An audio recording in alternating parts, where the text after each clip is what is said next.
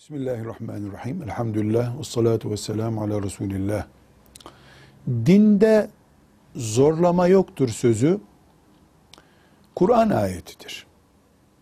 Binaenaleyh bu dinde zorlama yoktur şeklindeki söz bir alemin sözü değil, hatta bir hadisi şerif bile değildir. Çok açık bir şekilde Allahu Teala la ikrahe fid dini buyuruyor. Dinde zorlama yoktur buyuruyor.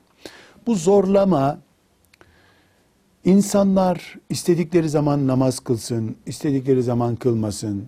Babalar çocuklarına namaz kıl diye baskı yapmasın. Anneler kızlarına örtün diye baskı yapmasın şeklinde yorumlanamaz. Çünkü dinde zorlama yoktur sözü. İnsanlar zorla Müslüman yapılamazlar demektir. İslam'a girerken zorlama yoktur. İslam'a girdikten sonra insanın dinle oynama, seçme hakkı olmaz. Çünkü din kolaydır. İnsanın kaldırabileceği bir yüktür.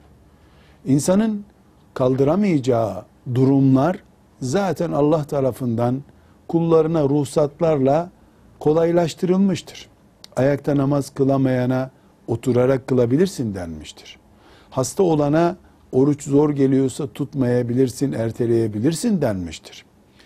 Dinde zorlama yoktur sözü Müslüman olacaksın diye insanları dine çağırma zorunluluğu getirilemez demektir.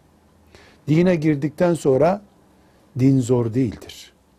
İnsanlar keyiflerine, yaşadıkları şehirlere, yaşadıkları çağa göre dini ayarlamak istiyorlar. Bunun için de dinde zorlama yoktur diyorlarsa bu Hristiyanların ve Yahudilerin dinleriyle oynadıkları gibi bir oyun isteğidir.